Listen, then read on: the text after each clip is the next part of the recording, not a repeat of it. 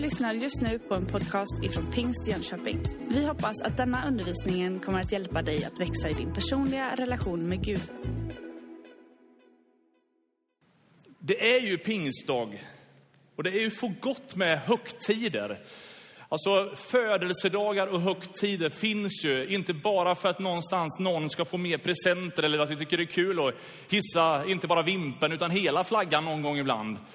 Utan högtider finns ju för att påminna oss om saker som annars lätt skulle förloras. Saker som lätt skulle kunna glömmas bort. Därför så är ju gudstjänstfirande en viktig grej att varje vecka påminna sig om tillhörigheten till Gud, till hans församling och så vidare. Och pingsten är en sån där högtid. Det judiska folket, de firar den här högtiden eh, utifrån ett uppdrag och en befallning som Gud gav. Men vi ska läsa ganska många bibelverser från Apostlarna 2. Så slå fram kapitlet i din bibel. Och jag älskar att höra prasslet av papper. Så du som har den här härliga gamla analoga formen, extra välsignad var du. Nej, Gud är lika mycket verksam i det digitala. Men eh, jag älskar att läsa från riktiga böcker. Eller riktiga, ja du fattar vad jag menar. Apostlagärningarna 2, när pingstdagen kom var de alla samlade. Då hördes plötsligt från himlen ett dån som när en våldsam storm drar fram. Och det fyllde hela huset där de satt. Tungor som av eld visade sig för dem och fördelade sig och satte sig på var och en av dem. Alla uppfylldes av den helige Ande och började tala främmande språk allt eftersom Anden ingav dem att tala. I Jerusalem bodde fromma judiska män från alla folk under himlen. När dånet hördes samlades folkskaran och alla var skakade eftersom var och en hörde sitt eget språk talas. Häpna och förundrade frågade de, är de inte galileer alla de som talar? Hur kan då var och en av oss höra sitt eget modersmål? Vi är parter, meder, elamiter. Vi bor i Mesopotamien, Judeen och Kappadokien, i Pontus och Asien, i Frygien och Pamfylien, Egypten och trakterna kring Kyrene i Libyen. Vi är inflyttade från Rom. Vi är judar och proselyter, kretenser och araber. Ändå hör vi dem tala på våra egna språk om Guds väldiga gärningar. De var alla häpna och förvirrade och frågade varann, vad kan det här betyda? Men andra sa hånfullt, de har druckit sig fulla på sött vin. Då steg Petrus fram tillsammans med de elva, höjde sin röst och talade till dem. Judiska män och Jerusalems alla invånare, detta ska ni veta. Lyssna till mina ord. Det är inte som ni tror att de är berusade. Det är ju bara tredje timmen på morgonen. Nej, detta är det som är sagt genom profeten Joel. Och det ska ske i de sista dagarna, säger Gud, att jag utgjuter av min ande över allt kött. Era söner och era döttrar ska profetera. Era unga ska se syner och era gamla ska ha drömmar. Ja, över mina tjänare och tjänarinnor ska jag i de dagarna utgjuta av min ande och de ska profetera. Och jag ska göra under uppe på himlen och tecken nere på jorden, blod, eld och moln av rök. Solen ska vändas i mörker och månen i blod innan Herrens dag kommer, den stora och strålande. Och det ska ske att var och en som åkallar Herrens namn ska bli frälst. Vi bläddrar till vers 40.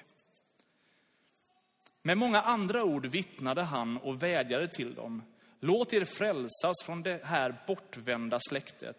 De som tog emot hans ord döptes och antalet lärjungar ökade den dagen med omkring 3000. De höll troget fast vid apostlarnas undervisning och vid gemenskapen, brödsbrytelsen och bönerna. Varje själ greps av bävan och många under och tecken gjordes genom apostlarna. Alla de troende var tillsammans och hade allt gemensamt. De började sälja sina egendomar och ägodelar och delade ut till alla efter vars och ens behov. Varje dag var de troget och enigt tillsammans i templet. Och i hemmen bröt de bröd och delade måltid med varandra i jublande innerlig glädje. De prisade Gud och var omtyckta av hela folket. Och Herren ökade var dag skaran av dem som blev frälsta. Amen. Inte undra på att man vill fira den här dagen, eller hur? När man läser den här majestätiska texten utav hur, hur plötsligt Guds löften som hade talats i århundraden, årtusenden, det här kommer. Nu är dagen inne, nu är den där, nu händer det. Wow, för dem att få uppleva. Det är ganska intressant när man jämför det gamla förbundet och det nya förbundet. Det är på något sätt som uppenbaras till viss del i gamla testamentet som får sin fullbordan vid det här tillfället. De gamla testamentliga profeterna, där de anade någonting större i fjärran. Men i väntan på att det skulle ske så fick de hantera livet på ett annorlunda sätt.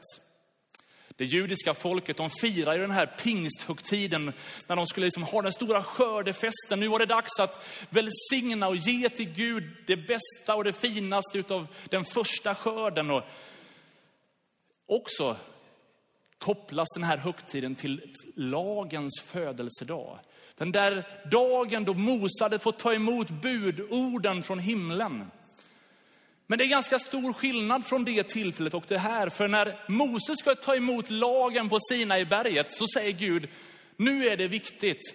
Ingen, absolut ingen får komma nära berget mer än du Mose. Till och med djuren som brukar beta nära berget, de får beta någon annanstans. Ta kossorna, getterna, kamelerna till en annan plats och beta. Ingen får komma nära. Nya testamentet, när pingstdagen kommer, så står det att de alla var samlade. Nu handlar det inte bara om att Gud ska göra någonting i en, genom en, utan nu vill Gud utgjuta sig själv över alla. Det som var lite mer exklusivt i väntan på den här dagen för en, är nu tillgängligt för många. Lagen uppenbarar ju synd. Om jag inte har någon lag då vet jag inte vad som är fel. Så så länge liksom ingen lag finns så vet jag inte heller att jag kan göra fel. Men i ögonblicket då Gud talar ut de här budorden så uppenbaras ju också överträdelsen. Problemet är att när Mose är där på berget och tar emot lagen så dröjer han lite grann inför Gud. Och Aron och de andra prästerna och folket tänker ja, väldigt vad han dröjer. Vi, hittar, vi måste hitta på något. Så de, de gör en stor guldkalv istället och börjar tillbe den. Vilket innebär att när Mose kommer ner och ser det där så drabbar ju Guds vrede över överträdelsen. Nu har du begått ett lagbrott. Nu är det någonstans, har man klivit över en linje. Och så står det att 3000 människor får liksom sätta livet till den där dagen. De dog i samband med att lagen kom i Nya Testamentet, i uppfyllelsen av den heliga ande, så är det omkring 3000 som blir frälsta. Ibland så är det intressant att se kopplingen mellan det gamla och det nya, fullbordan av Guds verk. Helt plötsligt så låter anden visa, nu är det liksom öppet, tillgängligt för alla människor. Det är inte bara en överstepräst en gång om året, nu är det alla människor som varje dag kan få leva i närvaron av Gud. Nu handlar det inte om överträdelse, utan nu kan du få leva ett liv med anden i nåd. Inte för att du förtjänar utan för att han bara älskar dig. Ja, vi skulle kunna ha ett långt bibelstudium om jämförelsen mellan det gamla och nya förbundet. Och så kommer den här texten. När pingstdagen kom var de alla samlade. De var tillsammans. Och det där uttrycket har liksom levt i mig och gnagt i mig under några veckor inför den här söndagen. Och ju mer man studerar det här bibelordet på fina grekiska uppslagsverk så förstår man liksom att det här är ett uttryck för att vara liksom ett sinne, endräktigt, enhälligt, oerhört tätt sammansvetsade. Så att när de kom samman så var de inte bara många olika sorters människor, utan de kom ändå i en samhörighet. Vi är tillsammans. Den engelska översättningen säger att de kom som ett ackord. Och du vet, man kan ju spela på flygen på lite olika sätt. Det är ju många tangenter här. Det är ju bara att gå loss. Och vi skulle kunna vara många händer som spelar. Men det är inte så här, det är inte så här supervackert om man bara liksom slår lite hipp som haver. Men om man på något sätt försöker hitta liksom harmonin. Visst är det gripande att jag kan spela lite. Någon kom i anden här på första raden. Men när, vet, när det blir ett ackord, när många toner börjar spela i samma tonart så kan du spela en hel symfoni. Vi har ju en underbar orkester i vår kyrka som ska få ha den här sommarkonserten.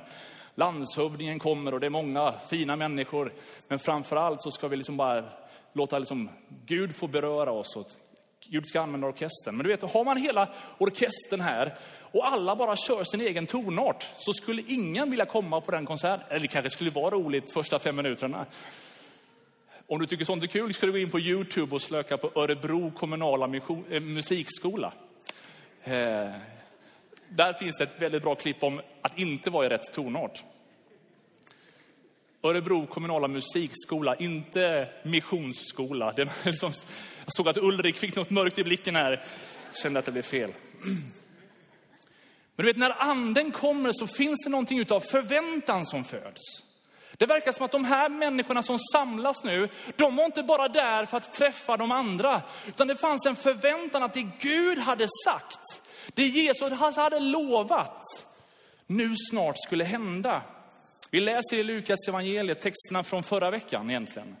När han talar om utifrån sin Kristi himmelfärd, att ni ska stanna här i staden tills ni har blivit rustade med kraft från höjden. Och i en annan av evangelierna så förstår vi att det skulle bara vara några dagar som de skulle vänta där. Så de här lärjungarna som möts där i den övre salen, man tror att de kanske var en 120 personer. De var inte bara där för att någonstans, ja, vi hade inget annat för oss. Det fanns ju liksom inga nöjen att hitta på i Jerusalem på den här tiden. Nej, men de var där med en förväntan. Att det Gud har sagt, det Gud har lovat, snart ska vi få uppleva det. Och ibland så funderar jag, är det det som drar ner himlen över en plats? Är det det som gör att Guds ande kommer när jag förväntar mig, när jag säger vad Gud, nu vill jag höra från dig. Och att när vi kommer tillsammans med förväntan så skapas en fantastisk möjlighet för anden att verka. Helt övertygad om att Gud är suverän och han kan göra vad han vill, när han vill och ibland så kan han överraska oss. Men att komma med tro, komma med förväntan öppnar faktiskt porten till många starka gudsupplevelser. De var där tillsammans.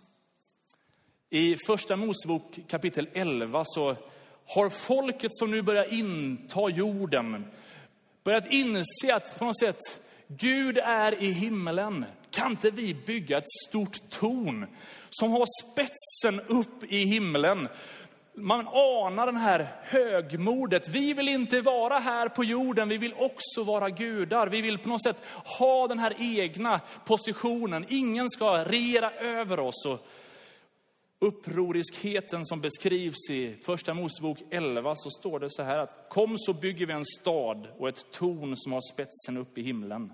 Låt oss göra oss ett namn så att vi inte sprids ut över hela, över hela jorden. Men då säger Gud, låt oss stiga ner och förbistra deras språk så att den ene inte förstår vad den andra säger. Så spred Herren ut dem därifrån över hela jorden och de måste upphöra att bygga på staden. Det verkar som att deras upproriskhet, deras längtan att någonstans bygga sitt eget namn får konsekvenser av att det som förut var ett folk, ett språk blir, nu är vi utspridda, vi förstår inte varandra.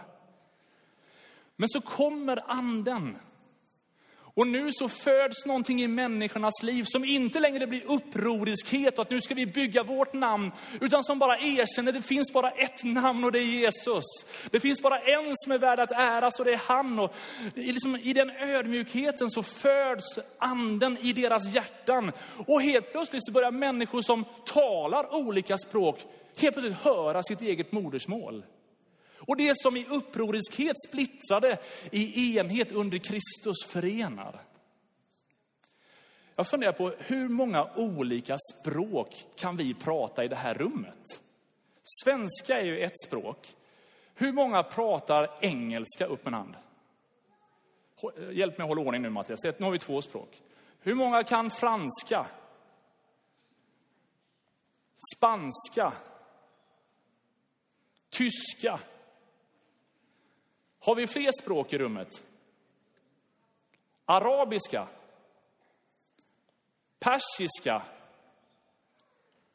Farsi? Är det samma? Ja, det är finare namn. Jag bara bevisar min okunnighet.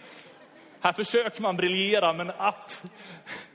Du tog ner mig snabbt, Matte. Vad har vi mer för språk? Armeniska? Turkiska? Kurdiska? Dari? Swahili? Prata högre. Albanska? Lingala? Var det fler språk? Kirundi. Hur många språk är vi uppe i, Mattias? 16 språk. Det är helt vansinnigt.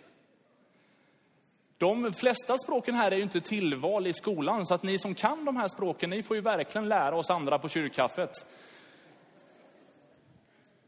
Men du vet, när man kommer till ett land, jag var i Ryssland för ett tag sedan, de har ju andra bokstäver, det finns liksom, man kan liksom inte utläsa utav liksom bokstäverna någonstans. Vad det är som...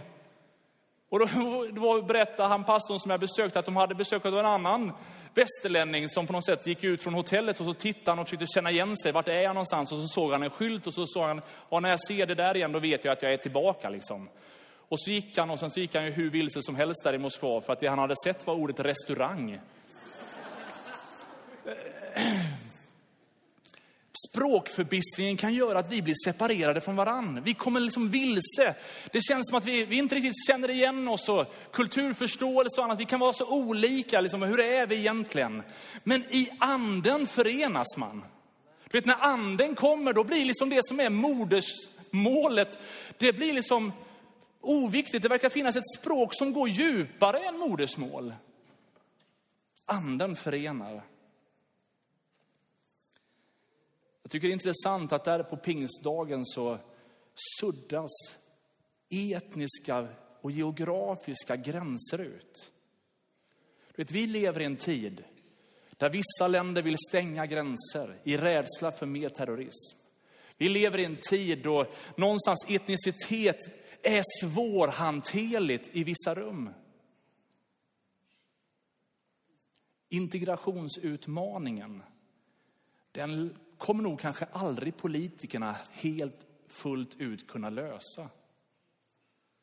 Däremot, om folket blir fylld av anden, då suddas de där gränserna ut och så förenas folk som inte egentligen känner varann. Och så känner man en samhörighet som går längre. Har du aldrig upplevt det så kom och var med på Café Hela Världen på torsdagar eller sätt dig bredvid någon här i kyrkan som pratar ett helt annat språk än du. Och så märker du bara liksom just den här att människor som tror på Jesus, vi kanske inte ens kan kommunicera annat än med gester och bara hej och försöka vara så där övertydliga i våra kroppsspråk och ändå känna en samhörighet. Anden förenar. Ett starkt andligt skeende bryter rasism och främlingsfientlighet mitt i tur. Ju mer helig ande, ju fjärran ifrån främlingsfientlighet, rasism och allt sånt där kommer man. Du med? Därför blir det liksom konstigt när en del människor försöker använda kyrkliga termer för en väldigt konstig ideologi. Bibeln är tydlig. Anden förenar folken. Och jag fascineras också över de här texterna när liksom Petrus går fram och börjar liksom hänvisa till det där profetiska tilltalet som Joel hade framburit. Och så säger han att era tjänare och tjänarin, era söner och döttrar ska profetera. Era unga ska se syner och era gamla ska ha drömmar. Ja, över mina tjänare och tjänarinnor ska jag i de dagarna utgjuta av min ande.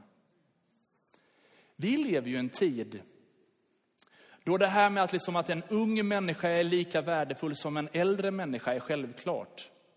Vi lever i ett land där en kvinna som har likadant jobb som en man ska ha likadan lön. Och att det, är du med? Vi, vi lever i helt andra förutsättningar än vad den här tiden gjorde och vad stora delar av vår värld idag gör. Jag tycker det är fascinerande att redan då, för 2000 år sedan, så säger Gud genom sitt ord att när anden kommer så är det ingen som är för liten för att få vara med. Så att när våra barn går ner i söndagsskolan så är det inte för att de på något sätt är ovärdiga att vara tillsammans med oss. Tvärtom. Det är så viktigt att de förstår vem Gud är och att de har så mycket att tillföra. Det är därför vi envisas med att varenda söndag ha en del av gudstjänsten tillsammans. För vi vill vara tillsammans. När du ser de små barnen springa som bara den efter en sån här sockertoppad liksom, eh, kyrkkaffefika innan lunchen. Och du känner att någon borde gripa in och liksom stilla deras kroppar. Så ska du glädja dig över att Gud har tänkt stora tankar över söner och döttrar. Små i våra ögon, men stora i Guds. Era unga män ska se syner, era gamla ska ha drömmar. Vi har ju haft nyfödda bebisar. Jag vet inte om de fortfarande är i rummet eller om de är liksom utanför här precis. Men jag såg några väldigt färska bebisar alldeles nyss. Och jag kan se här att det finns en del som inte är lika färska. Utan här finns nykläckta 50-åringar och det finns människor som är lite äldre. Vi lever i en tid som på något sätt hyllar en evig ungdom och som gärna vill säga till äldre att ni har gjort ert. Eller ställer den ena generationen mot den andra. Men du vet, Guds, Guds tid och Guds folk är annorlunda. Guds ande är annorlunda. Du som har gått i pension och tänker nu, ska jag, nu har jag gjort mitt, nu får andra ta över. Nej, det finns ingen pensionsålder i Guds rike. Du är inte passerad, du har inte passerat ditt bäst före-datum, utan så länge du kan andas på den här sidan evigheten så kommer Gud att vilja verka i och genom dig. Han vill tala drömmar. Han vill ge dig visioner, berätta för dig saker som du ska få berätta för andra. Det är inte bara profetiska hälsningar som du ska må bra utav, utan han vill använda dig. Så du som är ung, du som är gammal, tänk att vi får vara med alla däremellan. Och så står det att era tjänare och tjänarinnor. Ibland så får jag frågan liksom, när vi är ute och reser i Afrika, liksom, hur funkar det? Liksom, kan kvinnor vara pastorer? Kan kvinnor vara i tjänst? Och så pratar man om kvinnligt ledarskap och sådär. Jag tycker det är fascinerande, utan att vi kan eh, ha mer undervisning om det någon annan gång. Men här är ett väldigt enkelt uttryck för män och kvinnor som är med och tjänar. Är du med? Det är inte bara tjänarna, utan det är tjänarinnorna. Det verkar som om det är viktigt för Gud att stryka under. Det är inte manskontrollerat eller bara för kvinnor. Det är både och. Alla får vara med, ung som gammal, barn som vuxen och män som kvinnor. Visst är det härligt? Jag tycker det är jättebra. Alltså. Tack, tack, tack så mycket. Ja, lite så här varning av Sällskapsresan, han står och klatsar i ketchupflaskan. Men tack, det var från hjärtat jag kände det. Och ni som inte har sett den filmen, ni har inte missat något alls. I Efesierbrevet kapitel 3 säger att tillsammans ska ni förmå att fatta höjden, bredden, längden, djupen i Gud och hans kärlek. Det är som om vi i våran tid tror och gör ibland vår tro till någonting som är bara individuellt. Det är ju fantastiskt att det är personligt. Men det är inte en privatsak och någonstans bara jag och mig och mitt och mina. Utan jag tillhör någonting mer och det är tillsammans med de andra som den där bredden, höjden, djupet, längden verkligen förstärks. Jag förmår inte att förstå det i mig själv. Och om du och jag kunde förstå kraften i tillsammans. Predikaren eller vi kan börja redan från början i första Mosebok när Gud skapar Adam, denna fantastiska plats utav lustgård och allting är kanon. Och ändå så märker han på Adam att det är inte bra för mannen att vara själv. Trots att allting är perfekt, synden har inte klivit in ens i det här rummet. Och ändå så verkar inte Adam trivas. Ensam är inte bra. Utan därför så skapas Eva och så, wow, nu kom någonting annat. Vi är skapade för gemenskap, vi är skapade för relationer. Som Guds avbild som själv är tre i en, vill vi också leva i nära relationer. Och vi får hjälpa varandra att lyckas. Predikaren kapitel 4, vers 9-11 säger att bättre två än en, ty de får god lön för sin strävan. Om de faller kan den ena resa upp den andra, men ve den ensamme. Om han faller finns det inte någon som kan resa upp honom.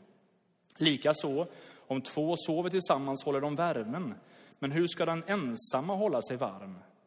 Där den ensamme blir övervunnen kan två stå emot. Och en tredubbelt tvinnad tråd brister inte så lätt. Kraften är tillsammans. Den är ju grym alltså. Den är ju helt underbar. Jag har så många gånger fascinerats av när jag går med nedböjda liksom, eh, axlar och känner att livet är tungt. Det känns som att stegen är tunga, det känns som andetagen är tunga, det känns som att det är svårt. Och så kommer människor i min väg liksom och bara lägger anden om och säger någonting uppmuntrande, kanske ber en bön för en och som bjuder på fika eller du vet bara den här enkla, bara någon som ställer sig vid sidan och som börjar tala tro in i ens liv och så känner man att det är fortfarande samma väg jag går på. Det är fortfarande samma utmaningar jag möter, men nu möter jag dem med en helt annan attityd. När jag faller finns det någon som reser mig upp. Som säger bara, Markus, du har inte tänkt att ligga här under bänken och tycka att livet är eländigt. Utan du, det finns ett högre syfte med ditt liv. Ingen av oss här kommer ju missa att livet ibland blir tufft. Ett sjukdomsbesked, ett arbetssituation eller relationer som är komplicerade. Eller... Och Gud vet ju det. Att vara människa, att leva på den här sidan evigheten och i den andliga kamp som vi är en del utav och lever i, så är vi inte skapade för att vara ensamma i den. Utan vi är skapade för att någonstans leva tillsammans. Och i den tillhörigheten känna att vi får kraft att resa oss.